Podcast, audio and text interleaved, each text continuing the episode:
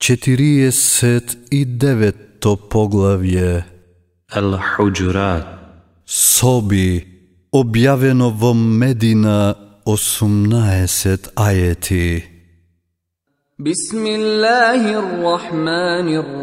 Во името на Аллах, се милосниот, милостивиот. О верници, не истапувајте пред Аллах и пред пратеникот Негов и плашете се од Аллах. Аллах на вистина се слуша и се знае. О верници, не кревајте го гласот свој над гласот на веровесникот и не разговарајте гласно со него, да не бидат поништени делата ваши, а вие и да не забележите.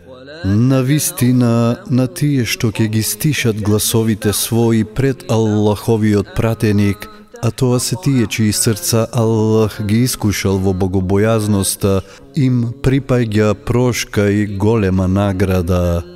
На вистина, тие што те повикуваат зад собите, повеќето од нив не сваќаат, а да се стрпеа додека ти самиот не излезеше, подобро ке им беше, а Аллах простува и милостив е.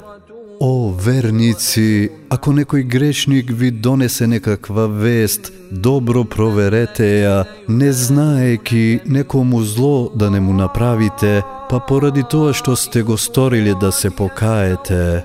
И знајте дека меѓу нас е Аллаховиот пратеник, Кога тој би ве послушал во многу нешта, на вистина би настрадале, но Аллах на некој од вас вистинското верување им го омили и во срцата ваши како убаво ви го прикажа, а неверувањето и развратот и непослушноста ви ги направи замразени. Таквите се на вистинскиот пат со добрината и благодатта Аллахова, а Аллах се знае и мудар е.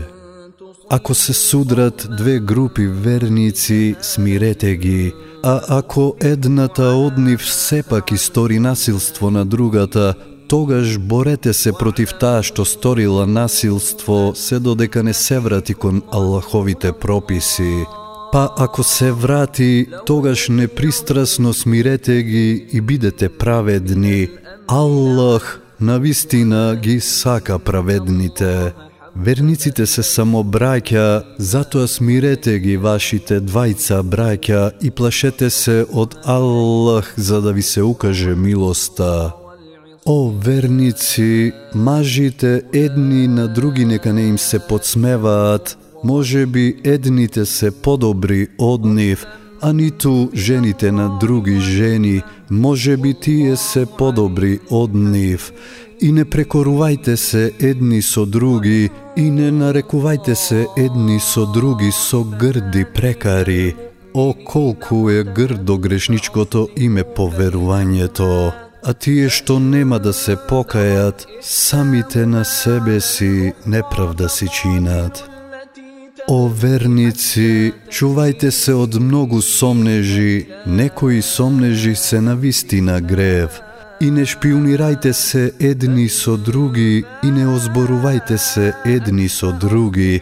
Зарем на некого од вас му е мило да го јаде месото на својот мртов брат, а вам тоа ви е одвратно, затоа плашете се од Аллах, Аллах на вистина го прима покајанието и милостив е. О, луѓе, ние од еден маж и од една жена ве создадовме и на народи и племиња ве поделивме за да се запознавате. Најугледен кај Аллах е тој што најмногу се плаши од Него. Аллах на вистина се знае и ништо не му е скриено. Некои бедуини велат, ние веруваме. Кажи, вие не верувате, туку кажете, го примивме исламот, а иманот уште не е влезен во вашите срца. А ако му бидете покорни на Аллах и на неговиот пратеник, тој ни малку нема да ви ја намали наградата за вашите дела, Аллах на вистина простува и милостив е. Вистински верници се само тие што веруваат во Аллах и во претеникот Негов и потоа веќе не се сомневаат и се борат на Аллаховиот пат со имотите своји и со животите своји. Тие се искрените. Кажи, Зарем вие да го запознавате Аллах за верувањето свое, кога Аллах знае се што е на небесите и на земјата, Аллах се знае. Тие ти префрлаат што примиле Ислам. Кажи, не префрлајте ми што го примивте Исламот. Напротив, Аллах вам ви подари милост со тоа што во вистинската вера ве упати, ако искрено говорите.